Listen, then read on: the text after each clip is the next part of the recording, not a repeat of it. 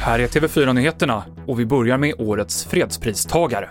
The Norwegian Nobel Committee has decided to award the Nobel Peace Prize for 2020 to the World Food Programme.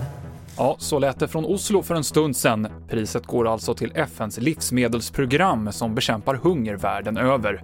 Ett val som var lite otippat, men inte ologiskt, säger TV4s utrikeskommentator Elisabeth Frerot. Hungern i världen har ju ökat dramatiskt mm. och inte minst på grund av pandemin när folk inte har kunnat bruka sin jord och så vidare. Även klimatförändringarna har ju gjort det här till ett allt mer mm. akut problem. Mer om fredspriset på TV4 Play.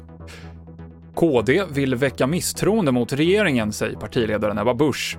Tidigare har Vänsterpartiet hotat med det om regeringen går vidare med förändringarna i arbetsrätten. Och framdörrarna på bussarna i Sverige kommer fortsatt hållas stängda till november nästa år för att inte förarna ska utsättas för smitta, rapporterar kommunalarbetaren.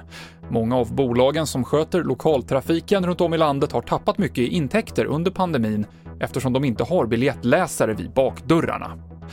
TV4-nyheterna med Mikael Klintevall.